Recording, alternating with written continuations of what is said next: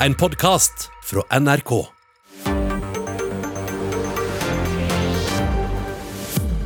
Da sier vi vel møtt til Urix på lørdag, som har en litt uvanlig start i dag. Vi er nemlig både i TV og på radio i denne sendingen, som i store deler skal handle om det som skjer i Midtøsten nå. For også i natt har Hamas avfyrt raketter mot Israel, mens Israel har utført flere luftangrep mot palestinske mål på Gazastripen, og uroen fortsetter. En mann holder et barn i armene. Det ser ut som en liten jente. Hun ligger helt stille, jenta ser ut som hun sover, hun ligner på en eh, dukke. Men det er ingen dukke. For noen timer siden var jenta et levende, lite menneske. Nå er hun drept. Jenta har blod i ansiktet. Mannen, kanskje det er pappaen hennes, roper ut sin sorg og sitt sinne. Hva har dette barnet gjort? roper han. Vi var hjemme, vi trodde det var trygt. Vi fikk ingen advarsler, men plutselig ble vi truffet av en rakett. Hvorfor? Hvorfor bomber de husene og vi som bor der? En kvinne roper også ut sin fortvilelse og sitt sinne. Nå er det nok, Israel, sier hun. Gud sier er nok. Dette var bare barn som lekte. Dødstallene er noe uklare nå lørdag morgen, men ifølge Hamas skal minst 126 palestinere ha blitt drept på Gazastripen siden mandag. Av dem skal det være 31 barn. Hamas har avfyrt 2000 raketter mot Israel. Åtte israelere skal være drept, sju av dem sivile.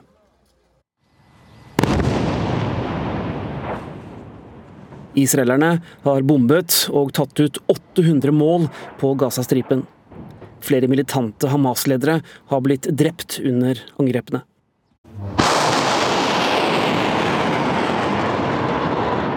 Men palestinerne inne på Gazastripen gir ikke opp enda. Fra utskytingsramper mellom boligblokkene gikk det i natt nye raketter mot Israel. Hamas fortsetter sin krigføring, men hvor lenge vil de holde det gående? Israel dreper Hamas-krigere i sine angrep, men det er også betydelige sivile tap der inne på Gazastripen.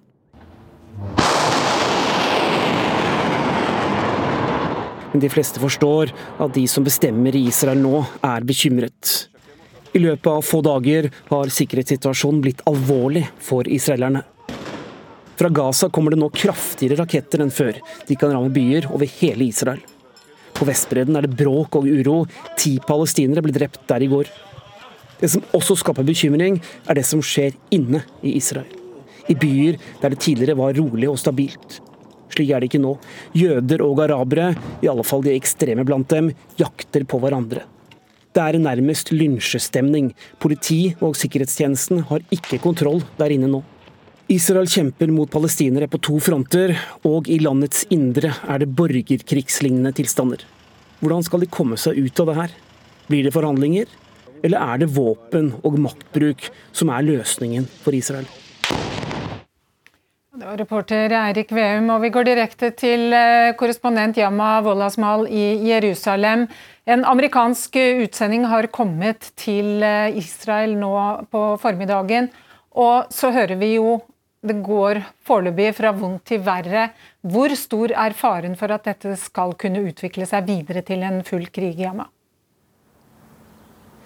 Altså, ifølge internasjonale juridiske definisjoner så defineres ikke dette enda som en krig, men jeg kan love deg at eh, alle de som opplever dette bomberegnet på kroppen, opplever dette som en krig. De israelske familiene som bor eh, tett opp mot eh, Gaza, som har flyttet soverommene sine inn på bomberom for å unngå Hamas-raketter, og de tusenvis av palestinerne inne på Gaza, mange av dem som har gitt opp å søke dekning fra israelske bomber som lander overalt. De opplever dette som krig. Jeg så bilder av en palestinsk far som har flyttet trampolinen ut på gata. Barna hans hopper på en trampoline midt på natta, mens eh, himmelen, nattehimmelen bak dem lyses opp av israelske bomber. Det er realiteten til folk på bakken. Og så hører vi altså over 100 er drept på Gaza, åtte er drept i Israel. Eh, hva med dette med proporsjonalitet, Yamaval eh, Asmal? Hva skal vi si om det? Dette er en konflikt hvor det ikke fins noen proporsjonalitet. På den ene siden har du verden, en av verdens mektigste militærmaskiner med de mest sofistikerte våpensystemene.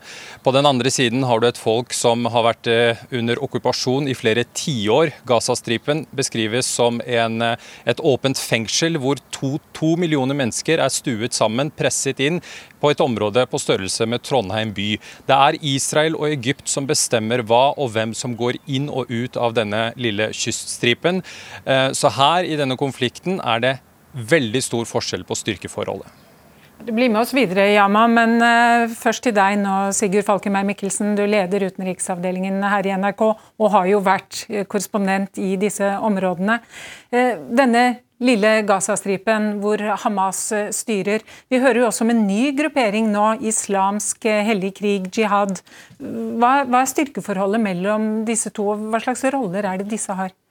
Ja, Islamsk jihad har på en måte fått operere i skyggen av Hamas, kanskje litt utenfor eh, internasjonal medias søkelys, men de har eksistert lenge. De har vært med eh, hele veien, opprettet eh, på slutten av 70-tallet, og, og, har på en måte vært en del av den islamistiske og palestinske organisasjonen i lang tid. Gjennomført mange terroraksjoner og er listet på de vestlige landenes terrorlister.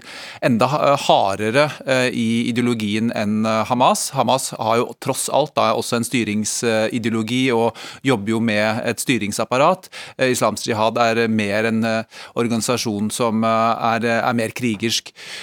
Og så har de da klart å, å holde, holde seg gående ikke nødvendigvis i et samarbeid med Hamas, for det er også konflikter derimellom, men de er jo enige om det grunnleggende, at Oslo-avtalen og en tostatsløsning ikke er noe de ønsker. Eh, så en radikal, en radikal eh, del av den palestinske islamistiske eh, bevegelsen. Er de ute etter politisk makt? Er det det de er på jakt etter nå? Ja, Til syvende og sist så gjør jo det de også, men det er jo Hamas som er den store og mektigste organisasjonen på den siden. Så er de da i konflikt med de palestinske selvstyremyndighetene, i tillegg selvfølgelig selvfølgelig til eh, Israel. Jeg vender meg tilbake til deg, Yama Wolasmal, eh, og spør eh, våpnene som Hamas bruker nå. Vi har jo sett at de har hatt raketter som lå mye lenger enn det de har gjort før. Hvor henter Hamas sine våpen fra, eller de som skytes ut fra Gazastripen nå? Altså Gazastripen er fullstendig avsperret eh, på bakken. Det er Israel og Egypt som kontrollerer hva som går inn og ut. Så Da bruker Hamas disse smuglertunnelene som Israel rammer, til å få inn det de trenger for det de kaller sin motstandskamp. De smugler inn disse våpnene i deler og setter dem sammen inne på Gazastripen. Det som har satt en skikkelig støkk i uh, israelske forsvaret nå, er denne, dette nye missilet, Ayash-missilet, som de fyrte av mot Eilat lengt sør i uh, Israel. Det, der viste Hamas at de kan nå som helst, hvilken som helst by i Israel med sine nye våpen. Eh, eh, Hamas sin militære talsmann gikk for få dager siden ut og takket Iran for både militær og økonomisk støtte for motstandskampen deres. Så Det viser jo at denne konflikten har også en regional dimensjon. Hamas får støtte fra land som, Israel, eh, fra, fra land som Iran, mens Israel får kjøpe avanserte våpen av USA og har full politisk støtte fra amerikanerne.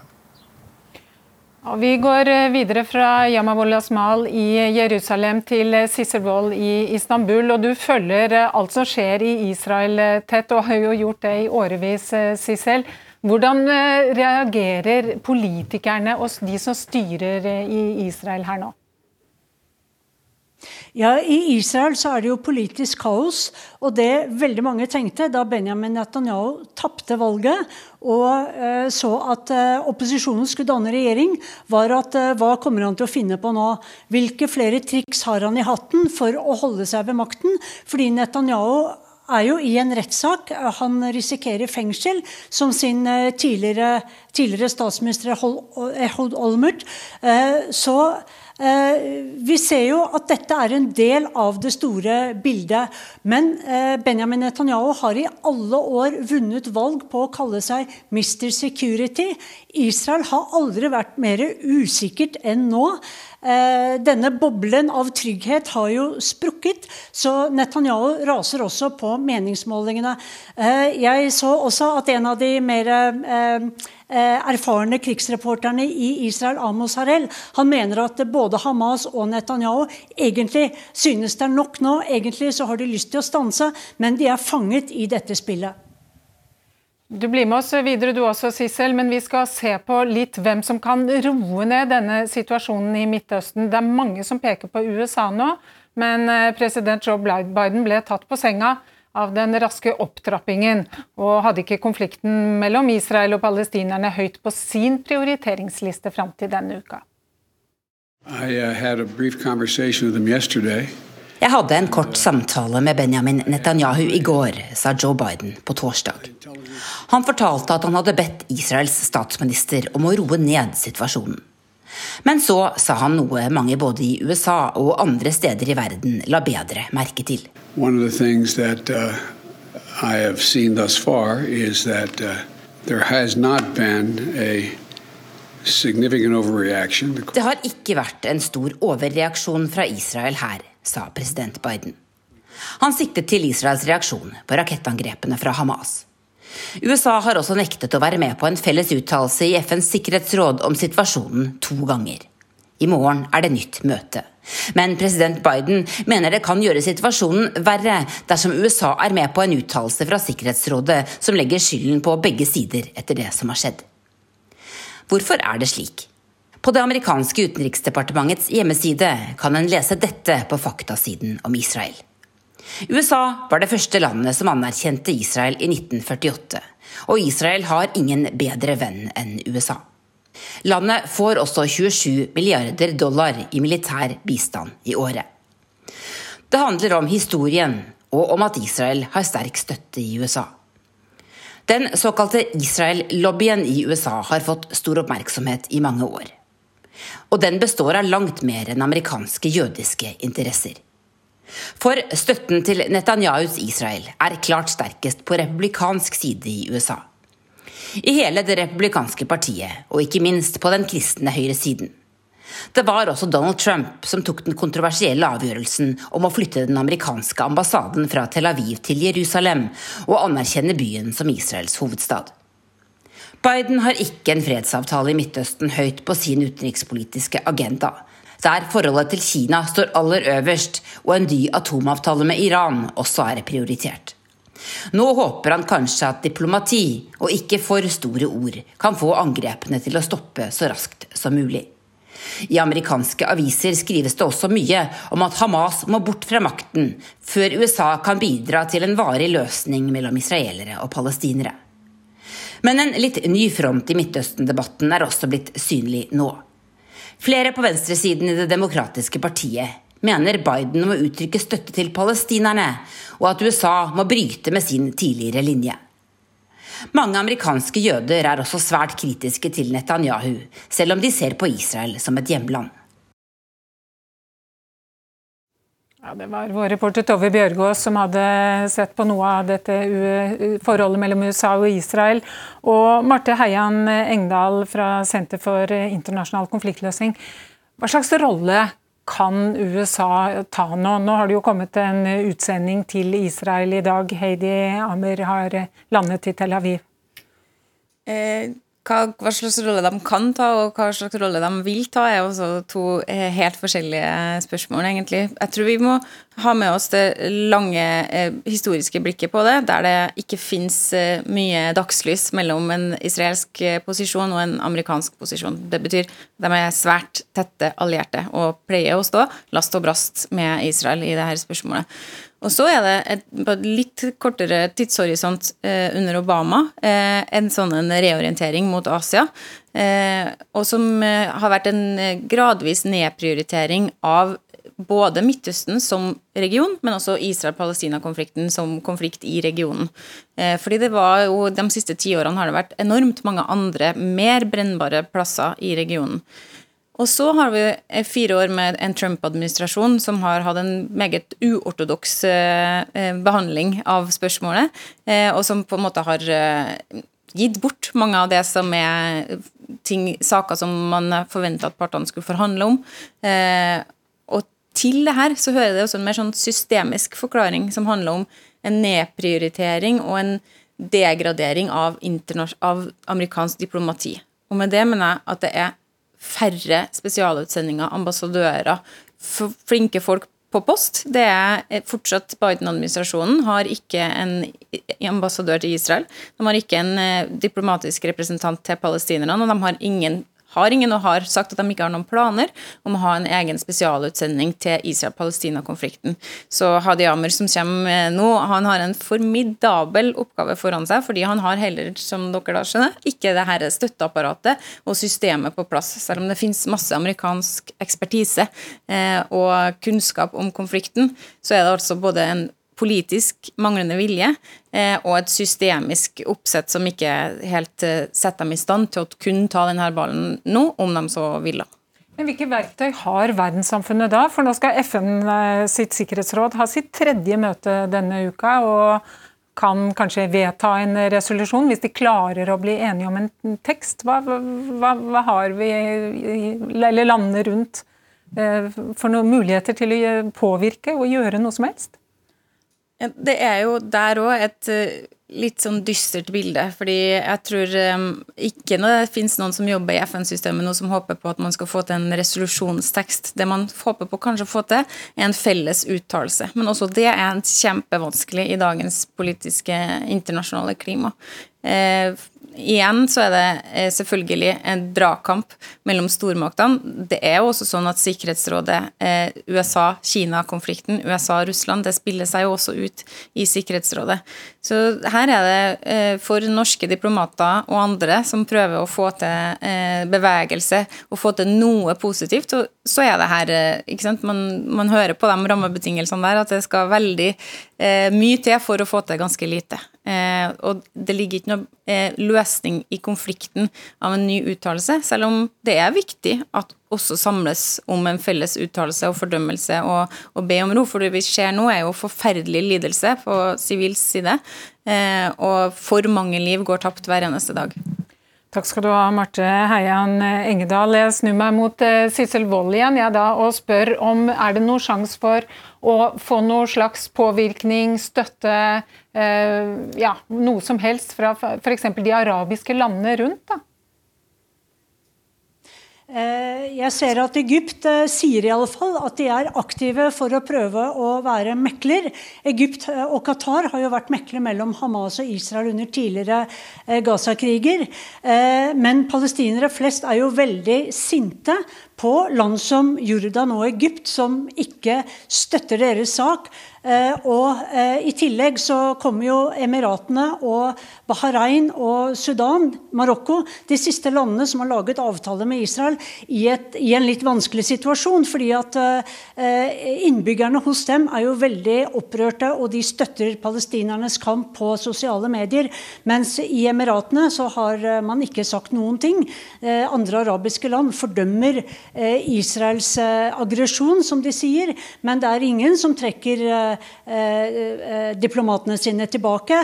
Det er ikke noe økonomisk press. For det eneste som hjelper her, er ikke uttalelser på papir, men økonomisk og diplomatisk eh, press og egentlig rå makt. Og som vi hørte Marte Heian Engdahl si, så finnes ikke denne i verden i dag. Noe annet som er nytt denne gangen, er at mange palestinere jeg har snakket med, som aldri har hatt noe til overs for Hamas, de sier at kanskje er dette den eneste veien å gå nå. Altså skyte raketter mot Israel, sånn at det internasjonale samfunnet faktisk skjønner at her begås det en urett mot oss, og at dette ikke løses før palestinerne får sin rettferdighet og blir hørt.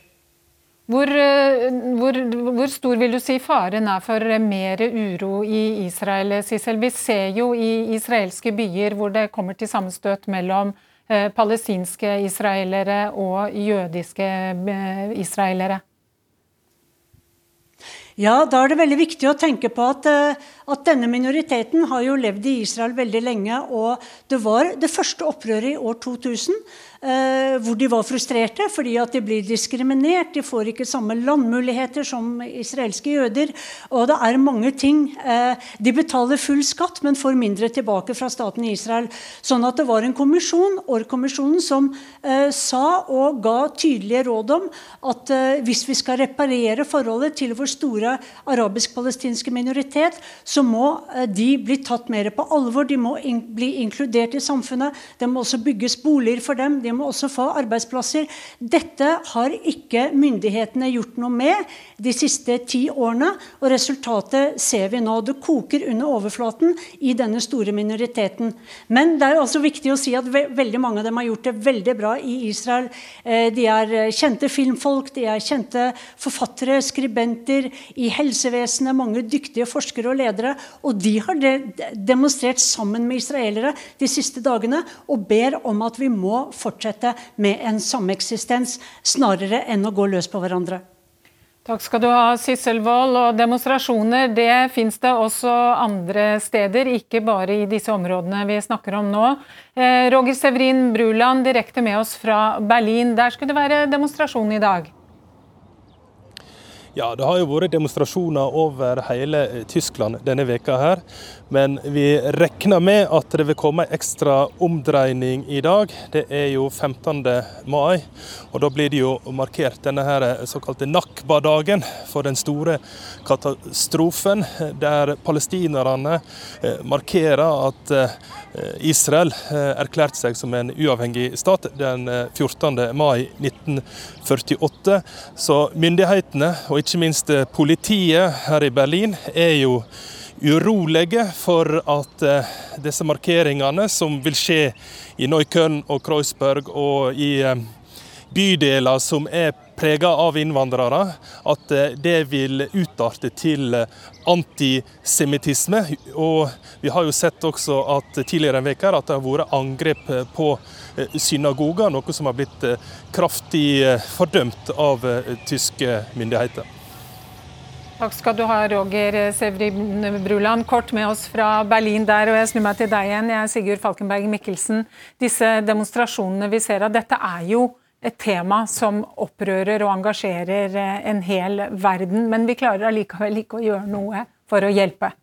Nei, og vi ser jo, øh, Det er flere ting som er øh, interessant her. Øh, det ene er at det vi alltid ser, er at det smitter over til Europa. At det var demonstrasjoner tillyst i Paris f.eks. som ble forbudt fordi de fryktet uro.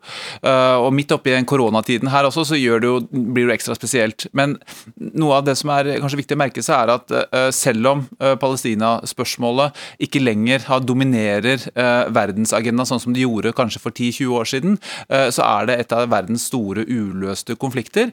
Og så ser vi også kanskje eh, eh, si, grensene for det Trump-diplomatiet, hvor de på mange måter omgikk de palestinerne og prøvde å gå rett til de andre arabiske landene. Det er vanskelig å komme utenom den, om palestinerne selv i spørsmålet som angår nettopp palestinerne. Så det er flere, flere ting som gjør denne krisen både spesiell eh, og, og, og viktig. Hvilke forhåpninger har du til eh, en amerikansk utsending i Israel? Hva kan han gjøre? Nei, Det de kan klare, er å fryse konflikten. Uh, og dette er jo et maskineri. Uh, det diplomatisk uh, si, maskineri er kanskje litt, litt flåstor, for det er, det er, mennesker av kjøtt og blod som, som gjør dette her. Men det er prosedyre for det, det er rutine for det. Vi har hatt mange av den type konflikter som Israel og Hamas er inne i nå. 2006, 2008, 2009, 2012, 2014.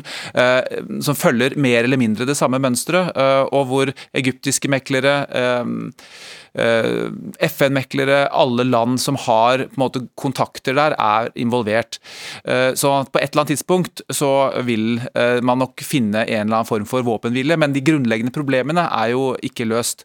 Og så tror jeg man må finne et balansepunkt hvor begge sider kan på en eller annen måte erklære seier overfor sine egne, sin egen befolkning, i at de hadde oppnådd det de ønsket før man kan finne en ro. Det, det balansepunktet der kan være vanskelig å finne, og det avhenger jo litt av hva som skjer på bakken. Jeg hørte BBC intervjue en av USAs tidligere utsendinger i morges, og han uttalte at eh, nå trodde han at det kom til å roe seg ned i løpet av de nærmeste dagene. For nå er man kommet til et punkt der partene bare har masse å tape. Og de har markert seg og har ikke lenger noe å vinne. Hva tenker du om en sånn analyse? Den høres eh, i og for seg uh, grei ut, det. Uh, I den forstand at Hamas fikk uh, markert seg veldig og tatt egentlig eierskap til saken etter at det var palestinere i Jerusalem som hadde hatt mesteparten av det.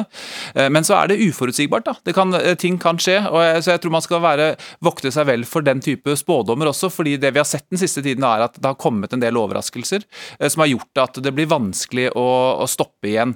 men det er klart for sivilbefolkningen i Gaza, hvis man kan unngå unngå en bakkekrig, eh, så ville det redde utrolig mange menneskeliv. Mm. Og denne lunta vi snakker om, som eh, jo da har blitt eh, tent, kan nettopp uroen i de forskjellige israelske byene være det, noe som kan vise seg å være noe man ikke har kontroll over? Jeg tror i hvert fall at eh, Det er flere ting vi skal følge med på. Det er den ene uh, tingen. Uh, og Det kommer til å sette dype spor i uh, Israel i etterkant av dette. Den, den formen for sameksistens som noen krefter ønsker, men altså langt fra alle. Og også den, den følelsen av anarki som har vært en del av, en del av de israelske byene nå. Det, det, kommer til å bli et internt problem i Israel framover også.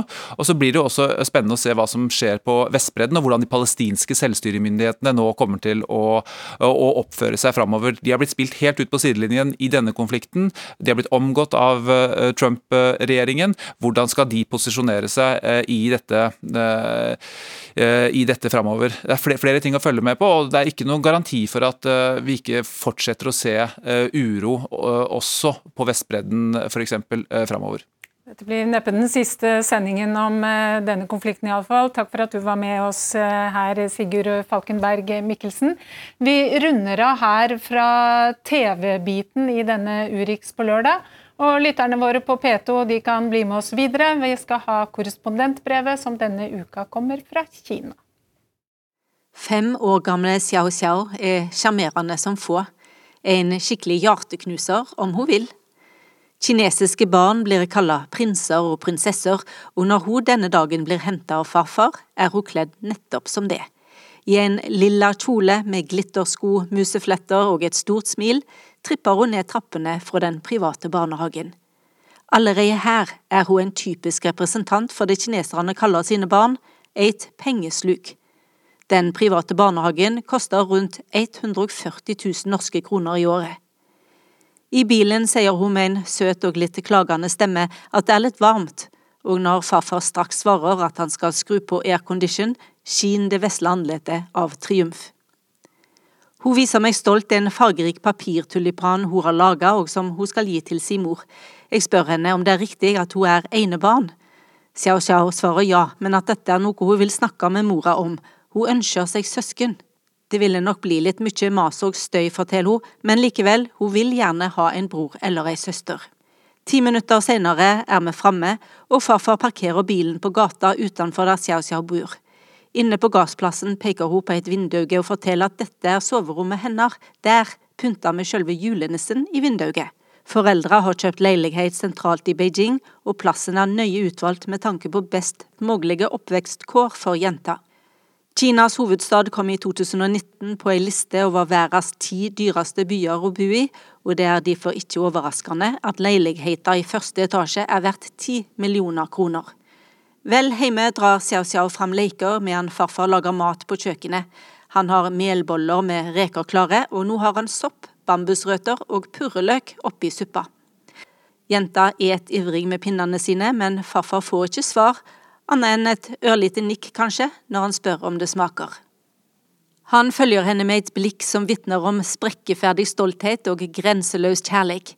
Xiao Xiao er den alt dreier seg om i vår familie, hun er kjernen i alt som skjer, og for alle.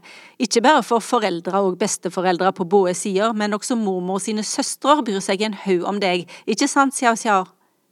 Det er generelt få barn i kinesiske familier. For seks år siden avslutta Kina den såkalte ettbarnspolitikken som ble innført i 1976 for å bremse befolkningsveksten. Minoriteter var unntatt denne politikken, men han-kinesere som fikk flere barn i denne perioden, kunne bli straffa med store bøter. Folk kunne miste jobben eller ble tvunget til å abortere. Disse ekstra ungene ble ikke ført inn i manntall, og mange av dem måtte ta til takke med undergrunnsskoler. Som de fleste andre måtte altså Xiao Xiao sine besteforeldre nøye seg med ett barn. Farfaren forteller at det var såpass tøffe kår den gangen at om det hadde vært lov, ville de likevel ikke hatt flere. Nå er situasjonen en annen. Folk har lov til å få to barn, men vel seg ofte ikke mer enn ett. Kina kunngjorde denne veka sin første folketelling på ti år. De offentlige tallene viser at nasjonen ikke har hatt en så sakte befolkningsvekst siden 50-tallet. Ifølge FN vil Kina trolig nå en topp i 2030 før folketallet går nedover.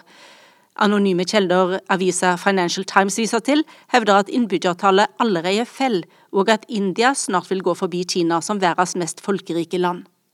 Blant kineserne er det middelklassen i storbyene som fører an i denne trenden. Finansavisa Itai rapporterer at det ble født nesten en fjerdedel færre barn i Beijing i 2020 enn året før, med en nedgang på 24,3% De fleste av Xiao Xiao sine venner er derfor også enebarn. På gassplassen viser hun og sine kunster på rulleskøyter.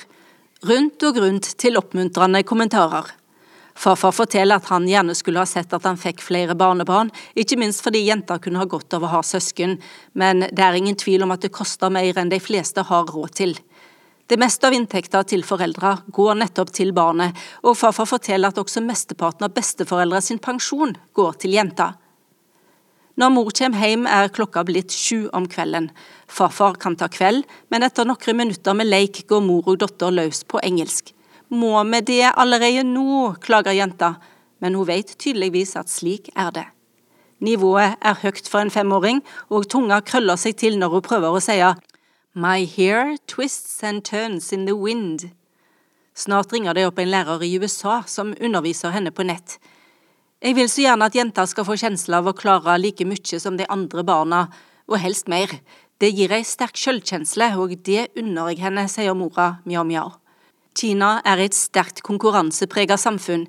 Det er ikke plasser nok til alle på høgskoler og universitet, og for å komme først i køen gir ungene lekser fra de er små. Xiao Xiao bruker også ettermiddagene på ballett og lærer piano, noe mora mener koster familien rundt 60 000-70 000 kroner i året. Sport og kunst er noe de fleste kinesiske foreldre betaler for. De som kan, sender barna på internasjonal skole, som stiger i pris jo høyere klasse. Ett år på ungdomsskole 390 000 kroner, takk. Sunming finansinstitutt har regna på hvor mye oppveksten til barn i Beijing koster. Svimlende 3,6 millioner kroner. En av mine kolleger i Beijing forteller at han ikke har råd til å bruke så mye penger. Han og kona mener de vil ha konstant dårlig samvitt om de ikke klarer å gi barnet like gode vilkår som andre gir sine. Derfor blir det ingen barn på dem. En populær fjernsynsserie om presset Kinas foreldre lever under, har gjort dem mer sikre i valget. Serien, som heter Kjærleikens dilemma, blir nå kritisert for å skremme folk fra å få barn, men den speiler realiteten. Kinas foreldregenerasjon er slitne, og når styresmaktene nå oppfordrer familier til å få to barn slik at det finnes nok folk til å holde hjula i samfunnet i gang, ja, da er det få som roper hurra. På toppen av pengene kommer nemlig innsatsen. I Kina må foreldre hjelpe barnet med leksene, sier Miao Miao. Kan du tenke deg at jeg etter en lang dag på jobb skal hjelpe to barn med lekser? Dobbelt opp? Det er en skrekkelig tanke. Vesle Xiao Xiao gir likevel ikke opp og legger fram sitt ønske og en plan. Mamma, jeg vil gjerne at du får en baby til. Vil du det, ja? Hvem tenkte du skal ta vare på babyen? Det kan jeg gjøre vel, jeg kan ta babyen med meg på skolen, jeg, og om det er noe problem, kan vel læreren hjelpe til? Det var Kjersti Strømmen som hadde skrevet ukas brev.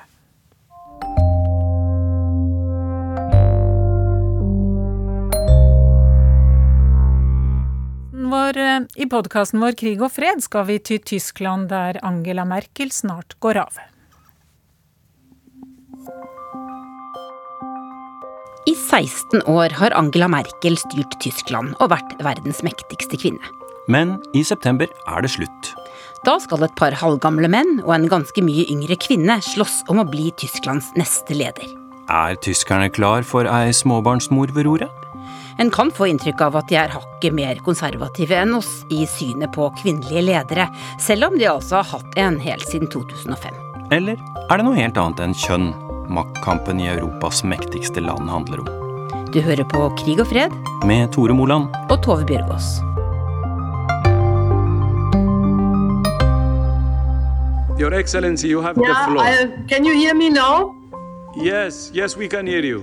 Okay, also guten Tag und guten Nachmittag, guten Abend, guten Morgen.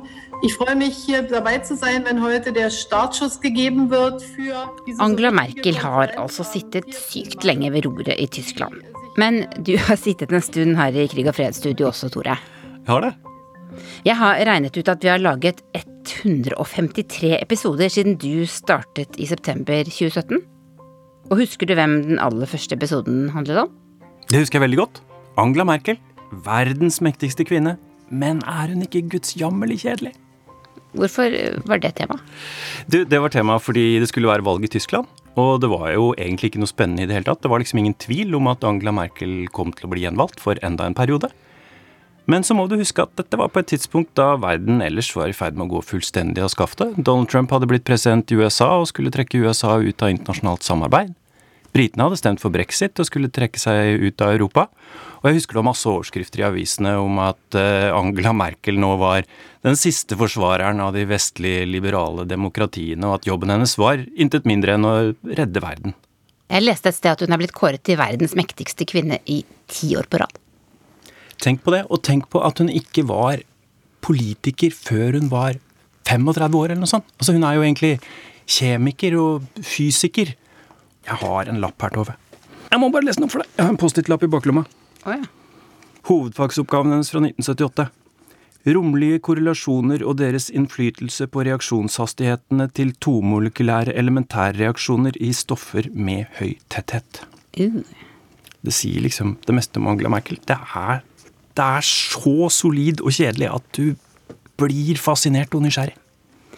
Men i september så er det altså ugjenkallelig slutt. Da går 67 år gamle Merkel av. Ja, det spørsmålet husker jeg vi stilte allerede tilbake da vi lagde den første podkasten. Hvor lenge kan dette vare? Og nå er det altså slutt, og det er vel mange i Tyskland som er litt urolige for hva som kommer etterpå. Ja, og en av dem heter Guro og bor i München. Hun har jo stått for en veldig rolig og trygg kurs, og hun har ikke gjort noe overilt. Men bare denne sånne rolige, stødige måte å være på. At ja, kvinner kan være leder, kan være en rolig leder. Trenger ikke å slå på stortromma og være sånn supermektig, men hun kan bare være høflig og rolig og være en god leder for det. Så jeg må si jeg er ganske bekymra eh, for om folk velger de ekstremistiske partiene. Eller så er håpet selvfølgelig at de heller går til de grønne og, og satser på å bygge framtida på en positiv måte. Da. Men, men det er helt åpent. Hei, jeg heter Guro Søvik. Jeg kommer fra Sjøholt på Sunnmøre. Bor nå i München, der jeg er gift, har to unger og jobber som norsklærer på universitetet, på Det tekniske universitetet, og som yrkesveileder på en middelskole. Så det, der jobber jeg for å hjelpe vanskeligstilt ungdom med å få utdanningsplass. Når du snakker Guro, så kan dialekten din høres litt ut som en annen kvinnelig leder enn Angela Merkel? Ja, det, det, det vi, måten vi sier ting på, høres kanskje helt likt ut. Og grunnen til det, det er at vi har vokst opp rett ved siden av hverandre og gikk i klasse med Sylvi Listhaug på ungdomsskolen på Sjøholt. Ja. Hva tenker du kommer til å skje med Tyskland når Merkel går av? Når det gjelder Tyskland, da, så er det viktig å holde tunga rett i munnen. Det er jo et veldig stort land. Det er et veldig rikt land. Det er en veldig spennende historie på godt og vondt. Og det er klart at 80 millioner innbyggere, det beveger du ikke i en fei. sant? Det er ikke noe kjapt og spontant med utviklinga av det tyske samfunnet. Så, og Dermed er det også veldig vanskelig å si noe særlig om liksom, folk flest. Altså, jeg bruker å få spørsmål om det fra familie og venner. Hva folk i Tyskland syns om ditt og datt. Og det er veldig veldig vanskelig å si, i og med at det er så veldig mange. Og så er det så forskjellige forhold i øst og vest, selvfølgelig. Tidligere Øst-Tyskland og tidligere Vest-Tyskland, men også mellom nord og sør, der det er ganske store kulturforskjeller. Der jeg, bor, jeg bor jo i sør, og um, da kan en nok si at det er mer konservativt enn i nord, da. Um, og i Bayern, som jeg bor i, Bayern har veldig mange friheter til å styre seg sjøl. Og der har jo CSO, det er søsterpartiet til CDO, altså de kristelige konservative, de har jo hatt absolutt flertall siden krigen. Så det er jo klart at det er konservativt eh, her nede. Og kirka har veldig stor rolle som sosial aktør i samfunnet. De overtar mange oppgaver som, som, i Norge ville vært utført av staten. F.eks. ammegruppe, hjelp til eldre, svake grupper, integrering, leksehjelp, frivillighetssentral osv. osv. Det er kirkelige oppgaver her nede. Og jeg kan si at jeg jobber på en skole som yrkesveileder. Men jeg er ikke ansatt av skolen, og jeg er ikke ansatt av staten men av en kirkelig hjelpeorganisasjon, en katolsk organisasjon. Og jeg får lønn av erkebiskopen. Ah. Så det er klart at det, er jo vi, vi, vi, skal hjelpe alle, uavhengig av livssyn og bakgrunn. Men eh, det at en katolsk hjelpeorganisasjon er på masse forskjellige skoler og, jo, og driver med yrkesveiledning, det, vil, det høres jo rart ut for oss nordmenn. Med det du forteller nå, Guro, eh, på hvilken måte påvirker den katolske kirka synet på kvinner i maktposisjoner der du bor? I, eh, I, samfunnet så er det mange som vil si at du må velge. Du må velge mellom å være mor eller karrierekvinne, da. Og det er et bilde, et, et, et sånn tankefengsel, kan du si, som har holdt seg veldig lenge og som fremdeles lever i store deler av samfunnet. Det har litt med måten barnepass er organisert på å gjøre. Mm, barnehager det er store grupper og få voksne i gruppene. Så en vil kunne si at det, tilbudet nok ikke er så bra som i Norge, da. Vil jeg si, i hvert fall. Og da er det klart å tenke en seg to ganger om før en sender ungene til et dårlig barnepasstilbud. Ja, Angela Merkel hun har jo ikke barn selv, men har hun likevel vært et forbilde for deg? Det tror jeg nok. Jeg tror nok det. Jeg tror at det, bare det at hun står der som leder for et av de rikeste landene i Europa Bare det at hun står der da eh, i fargerik eh, dressjakke og er kvinne, og med sin rolige måte å være på, kan være statsleder i et land, det tror jeg er en sånn tankevekker for mange at jeg tenker å ja, en, en mann med makt uh, trenger ikke å være hvit og 50 år gammel og ha på seg en grå dress. Um, det kan like gjerne være ei kvinne. Det var jo litt morsomt det her med denne skandalen om Merkels ballkjole. Jeg vet ikke om det var uh, i det norske media, da, men hun var på Bayreuth, i festspillene i Bayreuth. Og så hadde hun på seg en sånn ballkjole for å være på opera, da, med veldig dyp utringning. Og det ble litt skandale, da. Fordi ja. at en bondeskansler kan liksom ikke ha pupper, da. Sånn, så det ble veldig sånn. Men alle de andre damene hadde jo på seg fine kjoler, så det var veldig merkelig hvis Merkel skulle komme i dress. Nå har det dukket opp en annen yngre kvinne som kan bli uh, Tysklands neste forbundskansler. Anna-Lena Baerbock fra De Grønne. Hvordan blir hun oppfatta i forhold til, til Merkel? Ja, hun er som du sier, da, hun er yngre, hun har dukka opp. Hun har ikke etablert seg i en maktposisjon ennå. Men hun er veldig populær på tvers av, eh, av samfunnslag. da. Og hun er en som det er mulig å projisere masse håp og drømmer i.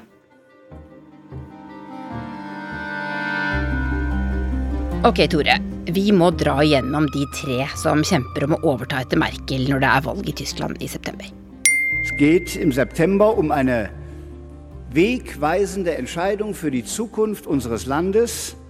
Denne 60 år gamle karen er kandidaten til Angela Merkels eget parti, Kristeligdemokratene. Han heter Armin Laschet, har vært politiker siden 1980-tallet, og han er leder i Tysklands mest folkerike delstat, Nordrhein-Westfalen. Som er der Düsseldorf og Köln ligger. Og han lover å videreføre Merkels moderate politikk. Eine weitere von CDU-CSU geführte Regierung wäre ein Risiko für Wohlstand und Arbeitsplätze. Olav Scholz er to år eldre, altså 62, og kommer fra det sosialdemokratiske partiet SPD.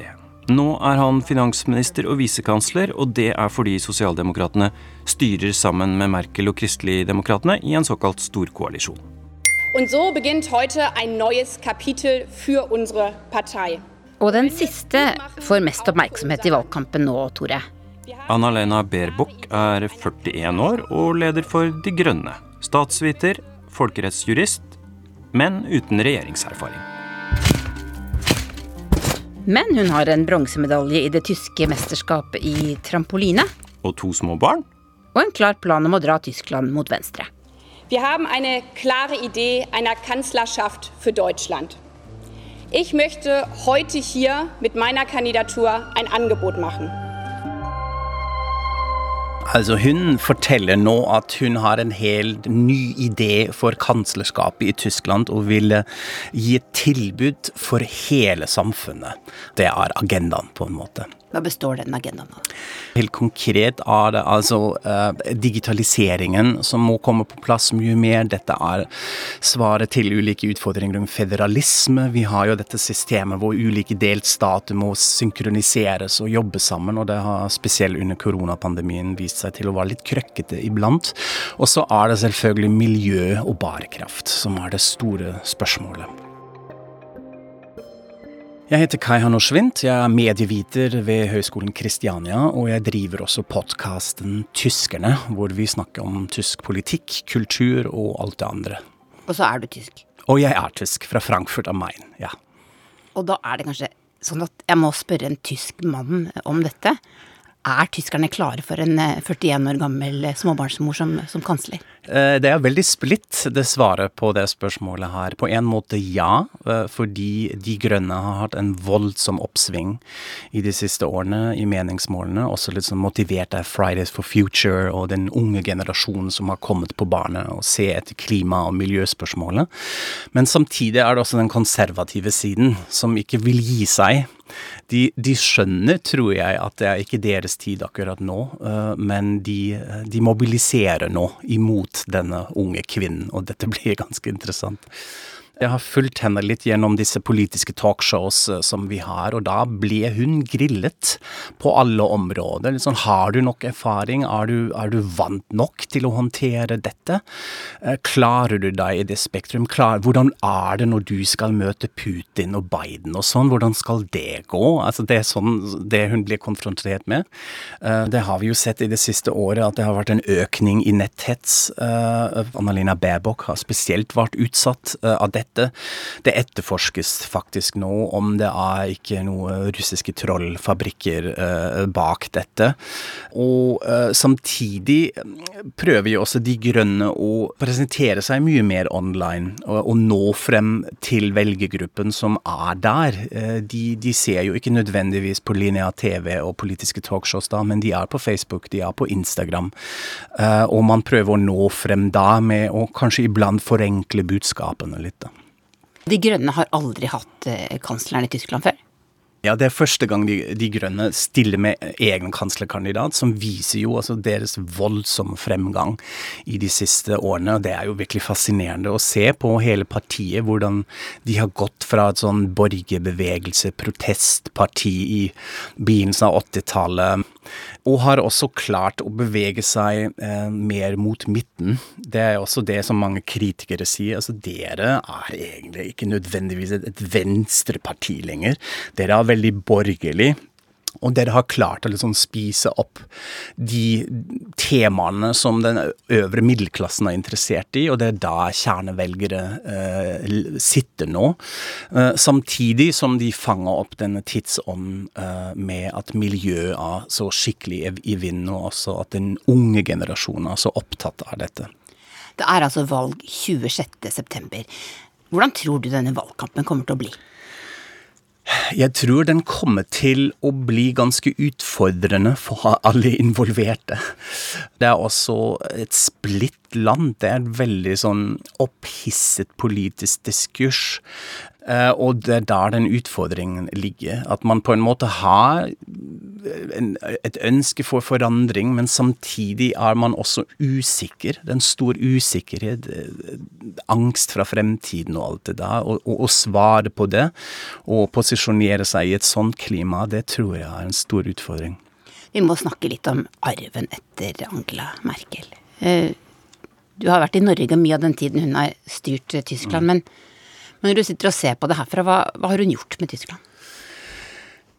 Ja, altså hvis man ser på partiet hennes først, så har hun jo kanskje beveget høyrepartiet, CDU, ganske mye i midten. Hun har jo vært veldig flink med å ta opp andre partier sine posisjoner.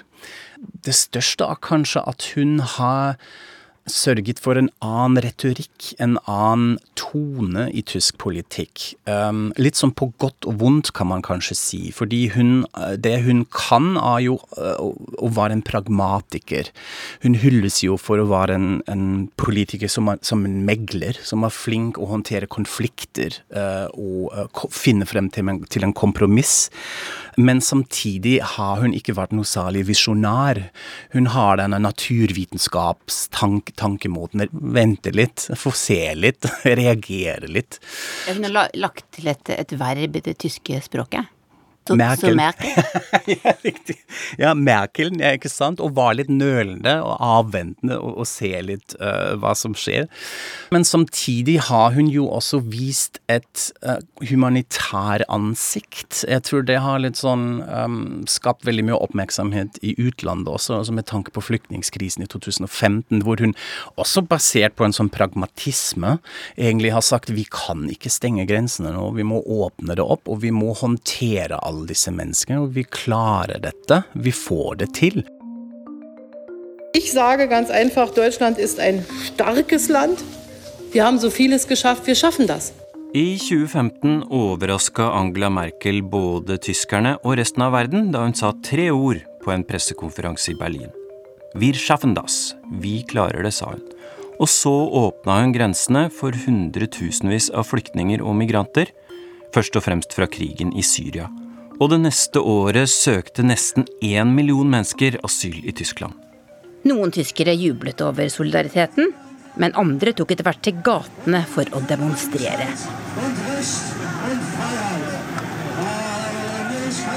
Og det høyrepopulistiske partiet Alternativ for Tyskland, som hadde oppstått bare to år før, økte sin oppslutning voldsomt.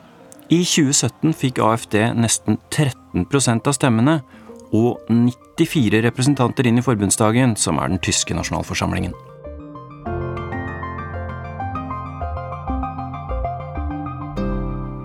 Eh, det er jo et land som har hatt en ekstremt dramatisk eh, historie, og som, som, også nå opplever masse destabilisering knytta til, til høyreradikalisme, f.eks. Og da er det jo mange som, som ønsker seg trygge, sant, og ikke en politisk leder som står og skriker Navnet mitt er Astrid Sverresdatter Dybvik, og jeg er redaktør i Syn og Segn, som er et tidsskrift. Og så har jeg nettopp gitt ut boka 'Det mørke Tyskland', som handler om ytre høyre i Tyskland. Hva har skjedd med denne høyresida mens Merkel har vært kansler? Angela Merkel hun har orientert seg veldig mot sentrum. Eh, og dermed så er det mange av de som har vært tradisjonelt på høyresida i partiet hennes, som sier at de kjenner ikke igjen sitt eget parti. Eh, og i 2015 eh, så ble det veldig synlig, fordi at eh, da åpna Merkel grensene. Det skapte en del frustrasjon enkelte steder. Og det falt også sammen med sånn sosial uro og sosiale problemer, særlig i øst, da, fordi at de mener at, at staten ikke tar vare på de, ikke gir de jobber og ikke gir de lønn og forskjellig. Og, og så skal man da invitere andre på besøk når man ikke kan håndtere eh, sine egne sosiale problemer. Det var jo da det her partiet Alternativ for Tyskland fikk virkelig vind i seila. For før det så var de bare et sånn der marginalt parti som lå under sperregrensen. De kom inn i forbundsdagen noen år senere og ble det tredje største partiet. Eh, og de kom også inn i alle delstatsparlament. Hvordan ser du for deg Alternativ for Tyskland nå inn i den valgkampen som kommer? Jeg tror veldig mange er veldig spent, da, fordi at uh, sikkerhetspolitiet er så tydelige på at de mener at altså, de har i, i mer enn et år jobba uh, hardt med høyreekstremistene i partiet. Uh, men det som har skjedd, er at den fløyen som er knytta til, høyre, til de høyreekstreme, har fått økt innflytelse. Eh, og så har man venta at det vil føre til en massiv eh, velgerflukt. Da. Men i, eh, i, flere delstater i øst så ligger de jo fortsatt på over 20 da, til tross for at der er de kontrollert av den høyreekstreme fløyen. Og så dukker altså nå Anna-Lena Baerbock fra De Grønne opp som en av kanslerkandidatene på, på den andre sida i politikken. Hvordan tror du det vil, vil prege valgkampen? For alle sin del så vil det prege det veldig mye at hun er kvinne, og at hun er veldig ung til å være i tysk politikk. Hun er 40 år. Eh, og i Tyskland så er politikerne gjerne 10-15 år eldre på en måte enn i norsk sammenheng da når man kommer i posisjon, så hun er en veldig ung politiker. Og hun har heller aldri altså, utøvd makt og har aldri hatt regjeringsplass i en delstatsregjering f.eks. Og det kommer jo veldig mye opp nå, da, fordi at man skal si at hun er ung og, og uerfaren. Da. Tror du hun kan styrke den ekstreme høyresida? De har en sånn hat mot den type folk uansett. Altså I forrige valgkamp så var det Angela Merkel. Kanaliserte de veldig tydelig. Og da handlet det mest om innvandringspolitikken og Ja, og sånn allment at hun er en sviker og ikke en ordentlig konservativ og har gjort uh, mye dårlig for landet. Altså, hun, Angela Merkel har jo også ført en ganske ambisiøs grønn politikk, og de er jo klimaskeptikere, så det er også en del av kampanjen. Og den, den delen klimaskeptiske kampanjen vil nok bli enda tydeligere når Anna-Lena Baerbock blir en fiendefigur. Du har hørt Krig og fred, en podkast fra NRK Urix, som lages av meg, Tore Moland, og Tove Bjørgaas. Lydregien var ved Hilde Tosterud. Redaktøren vår er Sigurd Falkenberg Mikkelsen.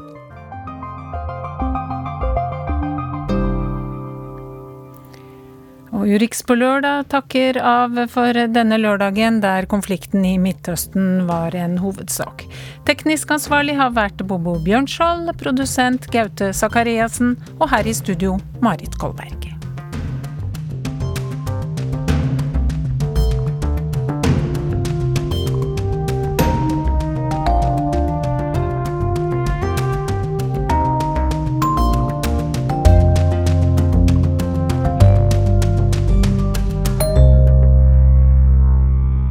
Du har hørt en podkast fra NRK. Hør flere podkaster og din favorittkanal i appen NRK Radio.